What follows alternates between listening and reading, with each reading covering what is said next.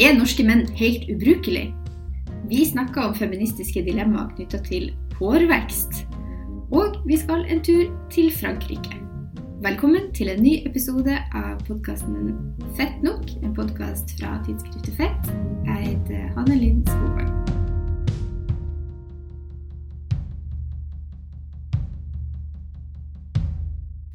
Så med meg her på skjerm i dag, så har jeg med meg deg, Mona Ivril. Hvordan går det med deg? Mm, helt greit.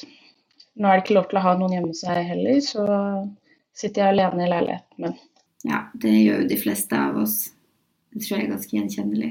Og så har vi med oss en spesialgjest, som også er med i Fettredaksjonen og har skrevet jevnlig for Fett, så mange vil sikkert kjenne igjen navnet hennes av våre lyttere fordi de trofast leser tidsskrift også, selvfølgelig.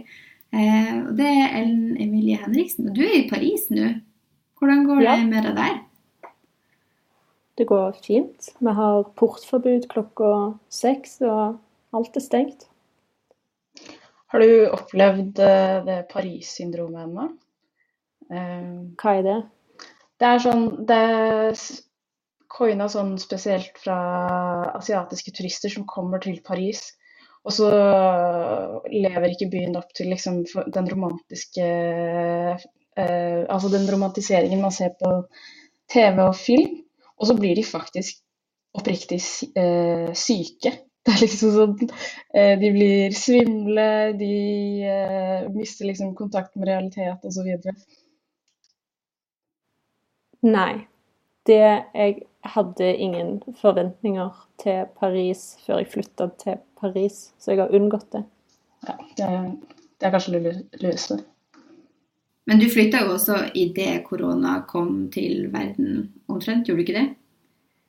Jo, det er um, ikke så veldig overraskende ikke et ideelt tidspunkt å flytte til et nytt land hvor du ikke snakker språket eller kjenner noen. Det, det kan bli litt vanskelig å komme inn i det. Det er forståelig. Eh, vi skal jo snakke litt i denne episoden også, for selv om du kanskje sitter mest innenfor din egen leilighet, som mange av oss eh, gjør i verden nå for tida, så eh, skal vi jo kanskje rive ned litt franske idealer i denne episoden også. Overraskelse.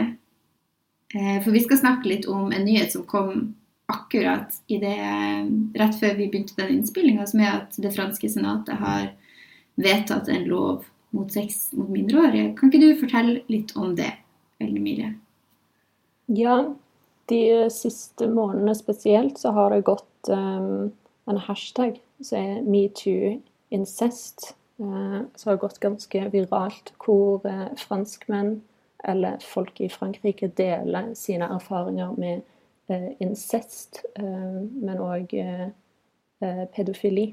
Um, og det begynte da Camille Koshner anklagde sin stefar eh, Olivier Koshner for å seksuelt misbruke hennes tvillingbror da han var 13.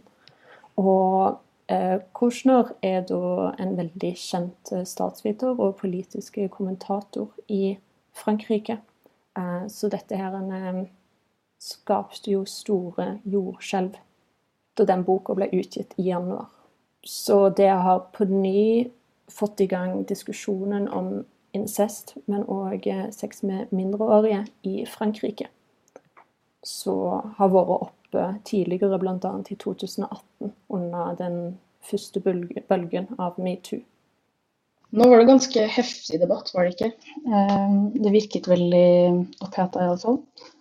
Eh, ja, det har vært ganske opp oppheta hele tida, egentlig. Ja, men er ikke det også litt sånn overraskende lite kontroversielt sånn historisk i Frankrike også? Ja, jeg syns dekningen jeg har sett i andre land, kanskje har vært litt naiv. I 2018, da de prøvde å få sett eh, seksuell eh, Eller ha en samtykkelov da, på 15 år, eh, så fikk de det ikke gjennom. For da var det to menn som hadde hatt sex, eller eventuelt voldtatt, to elleve år gamle jenter. Uh, Og dette her syns de ikke skulle være kriminelt, og derfor så ble loven stoppa. Eh, så det har jo vært noen holdninger til sex med mindreårige som ikke har vært helt akseptable da, fra et norsk perspektiv. Og det ser vi jo ja, helt tilbake igjen til 70-tallet og 60-tallet med de store tenkerne eh, og teoretikerne på venstresida. Altså det virker mye mer stuereint uh, å på en måte i det hele tatt snakke om å ha sex med en 15-åring, liksom. Ja, for dette var jo noe alle visste om. Altså, Olivier Kauschner var jo eh, direktør på Sians Po fram til han trakk seg pga. dette. Eh, og det var jo ikke ukjent i hans sirkel. Eh, at han drev og hadde sex med sin 13 år gamle stesønn. Så det er jo den andre siden av kritikken. er jo At dette er en ting som skjer mens alle rundt vet om det. Men enten er det akseptert, eller så griper du ikke inn. Vanskelig å si. For tallene her er jo også helt ville, har jeg skjønt. I høst så kom det en undersøkelse som avdekka at én av ti har opplevd incest i løpet av sitt liv. Det er jo helt ville tall. Ja. Ja, altså, da jeg leste det, så var jeg bare sånn Er det mulig? Én av ti, liksom. Av, hvor mange er det i Frankrike? Det er dritmye folk, der. det er, 67 millioner. Ja, det er det var seks millioner, da, som har opplevd incest. Det er voldsomt. Ja, og man sier jo ofte at det er vel sånn et barn i hvert klasserom, også i norsk sammenheng. Eller man antar det, men det er så store mørketall at man ikke helt mm. vet. Så det er jo liksom et problem overalt. Men det er et problem som har blitt håndtert veldig sånn underlig i fransk sammenheng, virker det som. Ja, eh, og en annen side av loven er jo at de skal fjerne foreldelsesfristen for um, uh, denne type saker. Ja, det er jo kult. Ja, fordi som alle kan tenke seg til, så tar det jo ganske lang tid før du går til retten hvis du har blitt utsatt for seksuelt misbruk som barn. Ikke sant. Nei, men slik jeg liksom har, måte, har tenkt på det, det er altså å diskutere seksuell lavalder i Norge er ikke liksom Det er ikke noen majoritets altså Majoriteten vil ikke ha godtatt det. liksom. Du kan ikke skrive debatt om hvordan du kan ikke skrive NRK Ytring og være sånn Ja, jeg syns det burde være lavere seksuell lavalder, liksom. Det er, det er, sikkert mange som kunne ha vært enige i det, men du kan ikke si det høyt, liksom. Og det er den lille store forskjellen, lille store forskjellen mellom Norge og Frankrike og en del andre land også. Ja, de eneste tilløpene til debatt på det som jeg har sett i senere tid, er liksom at noen har ønska å øke den seksuelle lavalderen. Så det er jo en sånn helt annen virkelighet, da, tenker jeg. Ja, jeg tror litt av det som har ødelagt debatten i Frankrike, som du òg har sett historisk, det er denne her ideen om at barn òg er seksuelle. Noe som for øvrig er sant. Eh, og at det derfor altså Argumentasjonen på 70-tallet blant de radikale som ville liberalisere det enda mer, gikk ut på at eh, det ville begrense barn sin seksualitet. Men seksuell lavalder handler jo ikke om du, har, om du er seksuell eller ikke. Det handler jo om du kan gi samtykke. Så ideen er jo, at, er jo ikke at en tolvåring ikke kan ha seksuelle følelser, men at en tolvåring ikke kan gi samtykke til sex. Eh, og det er det som på en måte har vært fraværet i den franske debatten. Ja, og det virker som det er en sånn slags arv fra en idé og tanke om seksuell frigjøring som man kjenner igjen fra 60-tallet, men der det er litt sånn Og som har blitt kritisert også i Norge i sin ettertid for å være litt sånn Det gir egentlig bare menn fripass eller free pass til å legge an på alt og alle under å kalle det for seksuell frigjøring. Mens eh, det kanskje ikke nødvendigvis har vært til fordel for kvinner, og kanskje barn og mindreårige, spesielt fordi da blir man gjerne anklaga for å være liksom snurpete og prippen, og at man er motstander av det som mål, da. Ja, det har jo vært en ekstrem form for ideen om ja, seksuell frigjøring uten at du tar hensyn til maktspillet som er bakt inn i det, som kan være ekstremt skadelig.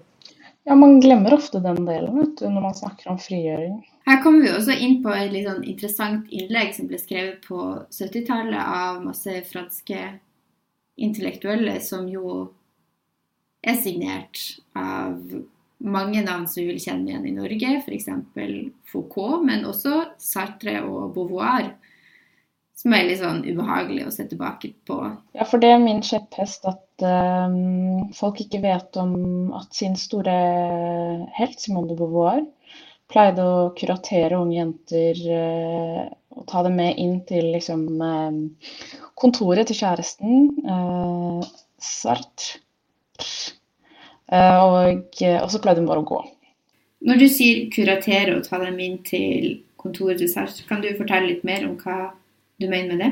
Altså, hun Altså, det er litt sånn som det derre um, Hvis du husker den der Jeffrey Epstein uh, saken, hvor liksom hun kjæresten der var liksom en kvinne, ikke sant, og jenter og uh, kvinner kunne føle seg litt trygge rundt Eh, dem, da, og så liksom brakte dem med seg slik altså, at de følte seg trygge, rett og slett. Og så, ja. Mange av disse var jo òg elevene til uh, Simone de Beauvoir. Mm. Uh, og enkelte av de òg økonomisk vanskeligstilte. Uh, så det var jo helt klart et element av utnyttelse. Ja. Det blir jo fort det. Ja, det er uten tvil en ganske stygg ripe i lakken til jeg anbefaler òg folk å lese brevene som ble sendt mellom Sartre og Beauvoir eh, om disse unge kvinnene, eh, hvis de har lyst på en veldig ubehagelig lesning. Eh, for de snakker ikke særlig fint de, om dem, og ser ganske ned på dem og ler av dem. Hvor kan man lese disse? Eh, det er ulike samlinger som har blitt gitt ut Altså Én er det vel mot slutten av Beauvoir sitt liv, og så er det en som ble gitt ut etter at Beauvoir var død. Um, jeg har ikke navn. Var det noen som ga ut i, uh, mens hun var i live? Ja, men anonymisert. Stjålet brevet ah, ja, OK. Ja vel. Okay, jeg tror ikke jeg gidder å lese, fordi jeg har det fælt fra før òg. Så Jeg har ikke lest alle. Jeg har kun lest utdrag. Jeg forsto liksom hva det gikk i. Sartre var jo ja. veldig glad i pene unge damer som ikke var for intelligente, så han snak, slapp å snakke med dem om store ideer. Ja, det er jo et sjarmerende trekk ved en filosof eh, generelt. Ja. ja. Akkurat samme som Welbeck, så ja. Var det ikke han som sier at han vil ha tre, vil ha tre koner? Eh, eller i hvert fall i den ene boka hans. Jeg tror det var um, jeg husker ikke. Men uh, altså alle hovedpersonene i bøkene hans er jo han, så man kan godt si at det er han, liksom. Men altså, det er sånn, han vil ha tre koner. Én som var veldig ung, som han kunne ligge med. En som han kunne prate med, som var liksom kanskje i 30-årene. Og så en som kunne liksom ta husarbeid eller whatever. Så Franskmenn. Franskmenn. Med det så vil jeg jo også bare anbefale et essay som var på trykk i den utgaven av Fett som handla om hud, som handla litt mer generelt om hva som skjer i fransk feminisme nå for tida, som er skrevet av Madeleine Gete Metz, som går liksom inn i noen sånn enkeltcaser som har vært de siste årene, men også liksom mottagelsen av metoo i Frankrike og hva som skjer og rører seg i den franske feministbevegelsen, som ifølge hun er ganske vital. Og våken for tida. Men eh, det er jo et eh, det er jo et veldig spesielt land mye, der de møter ganske mye motstand også. Og jeg tror måten menn ser på feminisme også der, er ganske radikalt forskjellig fra hvordan eh, det er i Norge.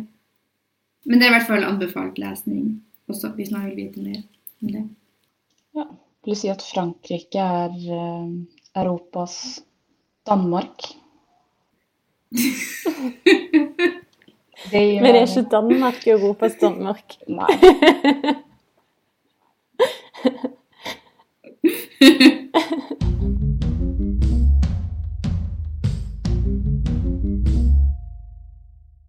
Da går vi videre fra ubrukelige franskmenn til ubrukelige menn.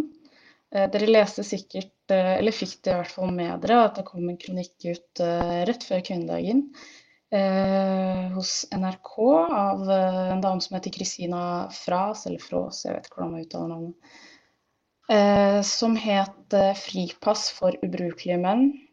Og det skapte kontrovers, som, som man ville forvente. Og etter det så kom det en kronikk som svarte på det, og så var det enda en kronikk som svarte på det igjen. Aksel Haugen kaller seg selv for ubrukelig mann 25, og eh, kommer med kronikken 'En ubrukelig manns svar'. En ubrukelig manns ubrukelige svar, faktisk. Catchy. Eh, mens den aller siste er Elisabeth Linjære, som eh, kommer med ubrukelige menn og bortstemte kvinner. Har dere fått med dere denne Jeg vil ikke kalle det en debatt engang, det er bare folk som skriver i avisene, liksom. Ja, selvfølgelig har jeg fått det med meg. Og det som er utrolig trist, syns jeg, og som er sånn sykdomstegn i norsk debatt, jo, og norsk debatt om feminisme, er at nok en gang så blir det liksom sånn kjønnskrig, kvinner mot menn, hvem er det mest synd på, hvem er mest ubrukelig, som blir på en måte, av de store debattemaene i tilknytning er det sånn når vi snakker om feminisme i Norge. Og så er det også utrolig trasig at det blir en av de mest omdiskuterte kronikkene i anledning kvinnedagen. Fordi jeg må jo si at Eller jeg er helt enig med deg, Mona, at ingen av de kronikkene som jeg har eh, lest, er spesielt imponerende i verken analyse, form eller påstand. Jeg føler liksom ikke at de bringer så mye nytt til bords heller. Og jeg vet ikke helt hvorfor det er det vi skal snakke mest om.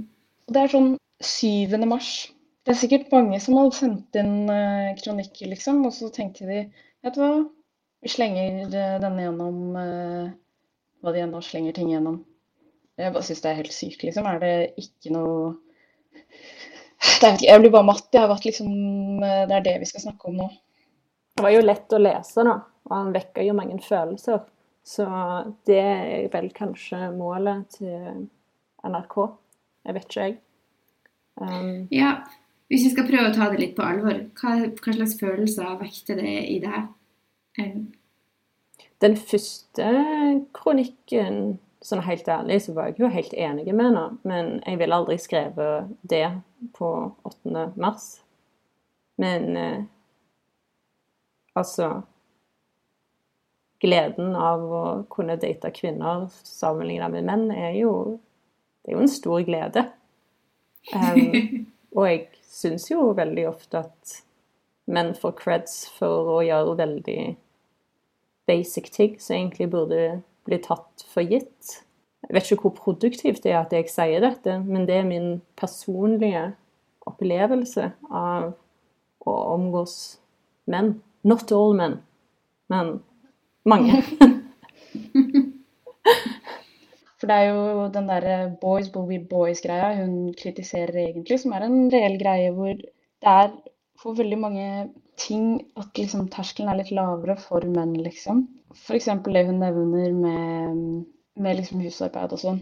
Eh, at liksom sånn det går en mann i eh, Går det en mann i gata liksom med en eh, barnevogn, og så er man liksom sånn Å, så flink han er. Mens liksom man forventer at en kvinne går rundt med en barnevogn, liksom.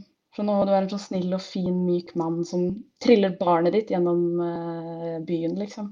Ja, og jeg hadde en ganske morsom samtale med et par småbarnsmødre som jeg kjenner, som opplevde sånn iblant sånn helt Kanskje ikke helt ubegrunna aggresjon, men i hvert fall følte ofte en slags aggresjon nesten når de så sånne nybakte fedre som gikk og koste seg med barnevogna fordi de liksom kunne sole seg i beundrende blikk på en helt annen måte enn det de sjøl følte at de kunne gjøre. Så det er jo sikkert gjenkjennelig for mange, tror jeg. Absolutt.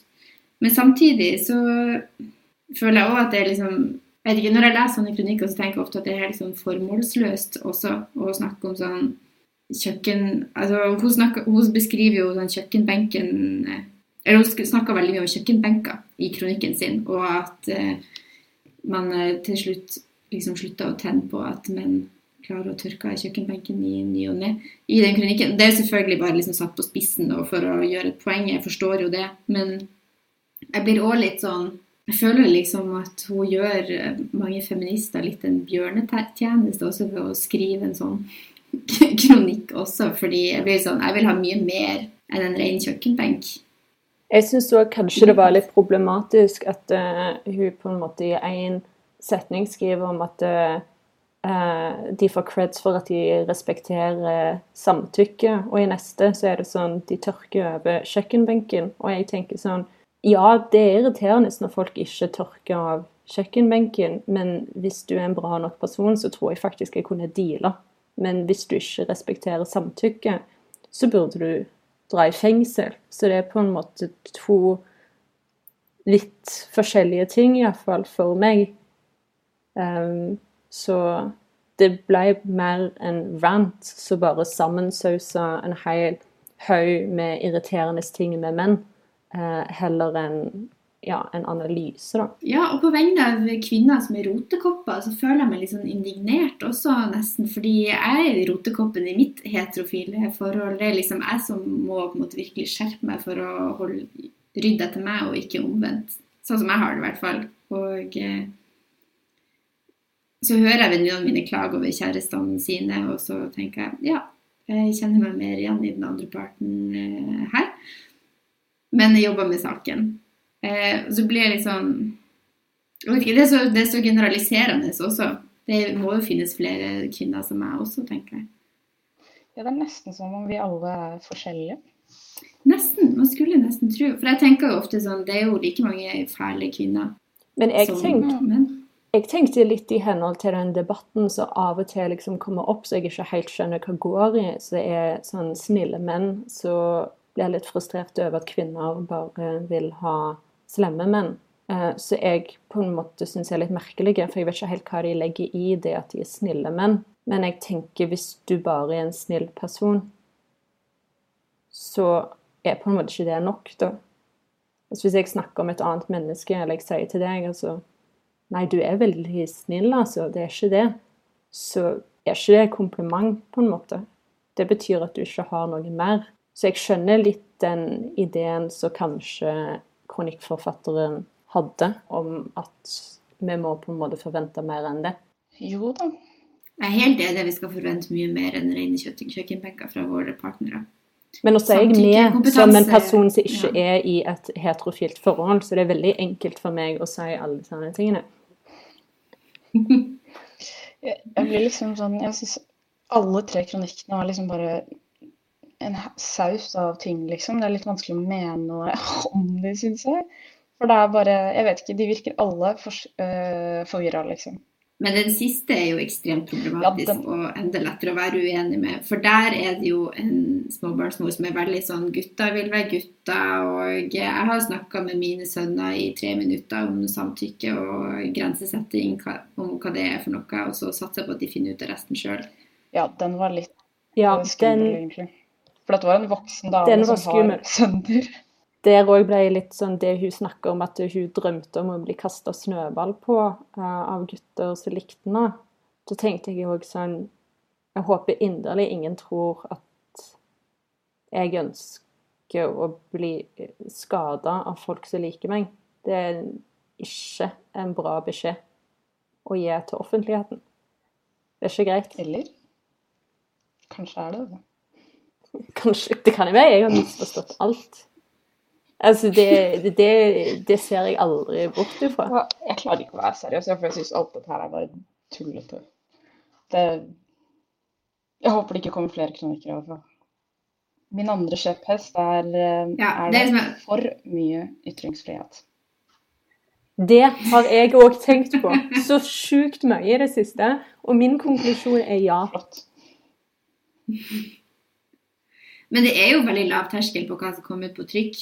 syns jeg for tida. Særlig av litt kronik kronikker som ligner litt på disse, som er litt sånn Jeg har opplevd dette, og jeg tenker disse tankene om det annet kjønn, eller et eller Ja. annet.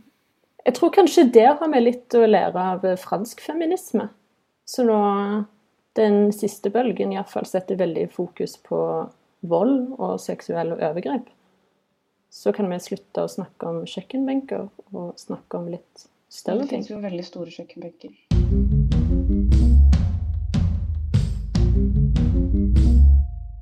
I forrige episode så lanserte denne podkasten et nytt, en ny spalte som vi har kalt for Feministisk dilemma. Og her tar vi for oss ulike, ulike dilemmaer som feminister baler med i sin hverdag.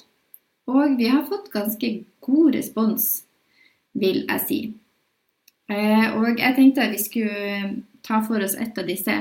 Og så har jeg også lyst til å komme med litt sånn generell betraktning, fordi mange av de som har fått tilsendt, er ganske knytter seg ganske mye til det temaet vi har diskutert allerede, som er problemer i heterolivet eh, generelt. Så det kan hende at vi må ha en spesialepisode om det etter hvert, men eh, vi får se. Men det vi skal snakke om i dag, er i hvert fall hårfjerning eller ikke. Og da skriver innsender Feministen i meg er skuffet over at jeg ikke tør å gå med fullt utvokst hår her og der på sommeren. I alle fall ikke på fest med fremmede. Jeg vil normalisere kroppshår, men samtidig er jeg en del av problemet om jeg ikke tør å vise det frem. Nå har jeg vel også litt mer hår enn gjennomsnittet da, pga. PCOS. Og det kan jeg informere om at står for polycystisk ovariesyndrom.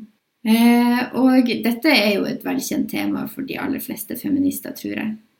Å barbere eller ikke barbere. Så jeg har lyst til å spørre eh, dere andre som sitter her i panelet med meg, hva slags forhold har dere til hårfjerning? Jeg bryr meg ikke. Sånn, det er det som er det verste, at hvis du ikke barberer deg, så må du på en måte bry deg om å ikke barbere deg. Fordi da er det en statement, så jeg skjønner veldig godt dilemmaet. Men jeg er bare for vims til å på en måte huske det. Sånn, å barbere to legger er for mye, for jeg blir distré halvveis og går ut med en barbert legg og en ikke barbert legg. Og det er kanskje løsningen på dilemmaet. Da kan man si at du er eh, Du har to meninger. To bein. Ja. ja. Em, jeg barberer meg heller ikke, men det er fordi jeg, altså jeg har generelt veldig lite hår. Så jeg har liksom ikke så mye problem Altså kroppshår. Jeg har mye hår på hodet. Og jeg merket at liksom for et par år siden så begynte jeg å få litt mer legghår, og da var jeg sånn OK, dette var jo litt rart. Og da ble jeg litt sånn OK, men dette var jo litt Det likte jeg egentlig ikke så godt. Så det er også veldig lett for meg å si at nei, ikke tenk på det, men det er fordi jeg faktisk ikke trenger å tenke på det, for jeg gror nesten ikke noe hår, liksom. Mm, ja. Hva sier du, Hanne? Nei, jeg syns eh, Jeg har hatt perioder hvor jeg aktivt ikke har barbert meg under armene, f.eks. Og så har jeg perioder hvor jeg litt mer sånn gjør det hvis jeg har lyst, men ikke slavisk. Og på leggene og sånn, så er det veldig lemfeldig. Jeg vil si at jeg har helt normal hårvekst på leggene. Det tenker jeg også er relevant å kommentere på, også hvor godt det synes, og hvor belastende man liksom føler Jeg barberer skjegget det regelmessig. Ja, fortell. Ja. ja, fordi jeg får så når jeg var 15, så begynte de lange svarte på haga å komme. Og så ble det bare mer og mer. Og så har jeg liksom, er alt dekka av ganske langt dun òg. Så det er på en måte dun med Og det, det liker jeg ikke. Jeg syns bart på kvinner kan være veldig fint, men sånn 13-14 år gammel pubertal gutt, skjegg på haka, det klarer jeg liksom ikke å ta eierskap over. Der er, det er kanskje antifeministisk, men det, det klarer jeg Nei, det går ikke. Nei. Men det er det, Sånn som hun sier, da, hun tør ikke det f.eks. på fest med fremmede.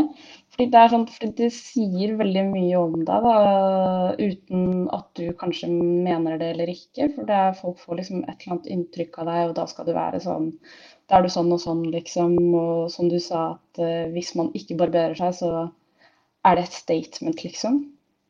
Så du må på en måte forholde deg til håret veldig aktivt, liksom. Ja, Ja, enig. Jeg husker når jeg ikke barberte meg under armene, og hvis, jeg liksom, og hvis det var sommer og jeg strekte litt på kroppen, så kunne jeg føle at folk så det veldig. Og at eh, Ja, jeg kunne tenke at det både var litt gøy ofte, at det var litt sånn morsomt å se hvordan folk reagerte. Og, eh, men hvis det var noen som jeg hadde veldig lyst til å skulle like meg, så syns jeg derimot at det var litt mer ambivalent, kanskje. Og da kunne jeg også kjenne på at det sto litt mer på spill, hvis dere skjønner. ja. Mm. Jeg har hatt det, eller jeg får det på leggene, men under armene, det var bare noe jeg aldri skikkelig begynte med. Så det Ja. Jeg husker jeg begynte å få hår under armene når jeg kom i puberteten, og så har det på en måte vært der siden da. Fordi jeg aldri forsto hvorfor jeg skulle barbere det. Men på leggene, da kan jeg bli veldig sjølbevisst. Spesielt hvis jeg prøver å flørte med noen. Så jeg kan kjenne meg igjen. Ja, og noen gjør det jo sånn helt slavisk og ekstremt også. Jeg husker jeg leste et innlegg i Den selskapelige for noen uker eller måneder siden om en gynekolog som var helt oppgitt over hvor mange kvinner som barberte seg sånn skikkelig nedentil. Og de kunne også være høygravid, og fortsatt så hadde de liksom klart å nå til overalt. I hver krik og krok. Og hvis de ikke hadde det, så skamma de seg og følte seg liksom ustelt. Mm. Og eh, Det er så mye arbeid. Det er liksom sånn Tenk å være høygravid og på en måte bryr seg så mye om det, liksom. Det, altså, for det første, hvordan skulle du da fått det til? Eh, det tok sikkert dager, det der, liksom. Det er jo Ja. Ja, og så er det masse problemer som følger med det. Også sånn inngrodde hår og Jeg vet ikke. Det er jo masse styr. Så spørsmålet er burde vi bare slutte å barbere alle kroppshår og bære, bære dem eh, stolt? Og spesielt innsendere tenker vi må prøve å komme med et svar. Jeg tenker at svaret er hvis du ikke vil ha veldig mange samtaler om kroppshår, så gjør du hva enn som er minst stress for deg. Bare gjør liksom det letteste. Men hvis du på en måte har lyst til å stå i den kampen, og det på en måte har en verdi for deg å være en del av de som normaliserer kroppshår, så tenker jeg at du kommer jo sikkert til å få mye positiv respons òg. Kanskje du drar på fest og du ikke har barbert deg under armhulene, og så syns folk at det er kult. Mm. Jeg er helt enig. Det er liksom sånn virkelig Gjør det som passer deg, og hva som gjør deg mest komfortabel. Fordi jeg, jeg vil ikke si at det er den aller viktigste kampen vi har å stri med, liksom. Så, men ja, sånn som Ellen sier, hvis det er liksom Hvis det er noe du har lyst til å stå i, da, og har lyst til å normalisere, kjør på. Jeg får lyst til å trekke på litt feministisk teori. OK? Og da har jeg lest litt på noen, noen spalter som vi brukte å trykke i fett før, men som vi ikke har akkurat nå, som handler om sånn introduksjon til ulike feministiske teoretiske begreper. Og da hadde vi en artikkel om velmenn, femini... Nei, velmenn. Velmenende sexisme eh, for en stund siden, som jeg dro fram igjen når jeg tenkte på dette dilemmaet. Eh, og velmennende sexisme handler jo om f.eks. sånn redd kvinner og barn først. Altså at kvinner på en måte kan få fordeler av å leve i et patriarkat også fordi det liksom handler om å beskytte kvinner, f.eks. Som både kan være en eh, forbannelse, og, men noen ganger kan det også ha ulike fordeler. Og eh, en artikkel som heter 'Why is benevolent sexism appealing?', så er det noen forskere som ser på at eh, kvinner som uttrykker seg i tråd med velmenende sexisme, viser høyere livstilfredshet. Eh, og da er det jo at man kanskje lever i tråd med rådende kjønnsnormer i samfunnet, f.eks. Men artikkelforfatteren av denne sammendraget, som jeg også må nevne, som er Oda Davanger og Lene Marie Eriksen, som har gjort en veldig fin jobb, så er det også det at feministisk bevissthet også er knytta til et høyere nivå av selvsikkerhet og psykisk trivsel. Så rådene her er ikke entydige, i hvert fall sånn som de har oppsummert dem. Men jeg tenker at eh, Jeg tror også at et hårfylt liv kan være høyere livskvalitet. Også at man kanskje føler at man lever mer i tråd med sitt eh, sanne, sanne selv. Kanskje, Jeg får liksom lyst til å konkludere med det, i hvert fall. Og jeg får lyst til å kanskje jobbe med det mer sjøl også. Ja. Jo mer jeg tenker på det. Jo, absolutt. Men jeg vet ikke om jeg hadde giddet å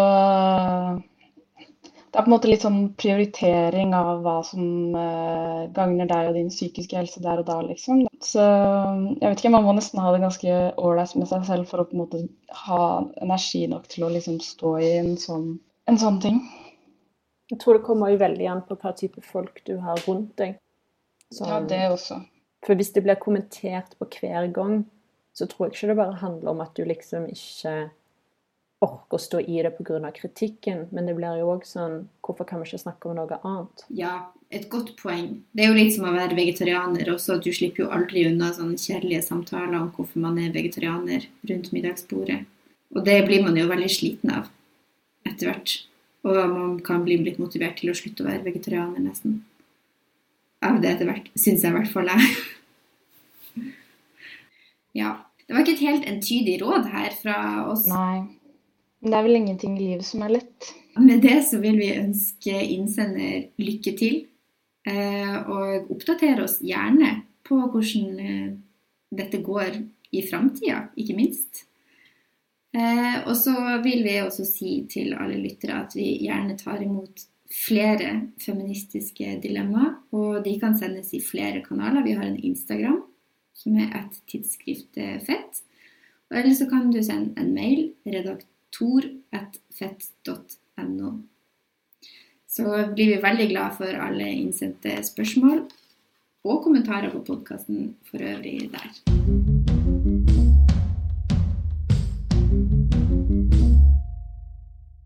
Da vil jeg si tusen takk til dere som var med i studio her i dag, hvis vi kan kalle det det. Eh, Mona Jibril, og eh, særlig til vår utenrikskorrespondent Ellen Emilie Henriksen fra Frankrike. Gøy å ha dere med, som alltid. Eh, og så må vi også si at takk til Fritt Ord, som er med på å støtte podkasten, og til Kulturrådet. Produsenten vår er Eline Hystad, og resten av podkastredaksjonen i Fett består av Mari Lilleslåtten og Jenny Schnerler. Jeg heter Hanne-Linn Skogvang. Eh, musikken du har hørt, er laga av Anna Linn Berg, og logoen er tegna av Kjersti Johanne Barli. Takk for oss, vi høres.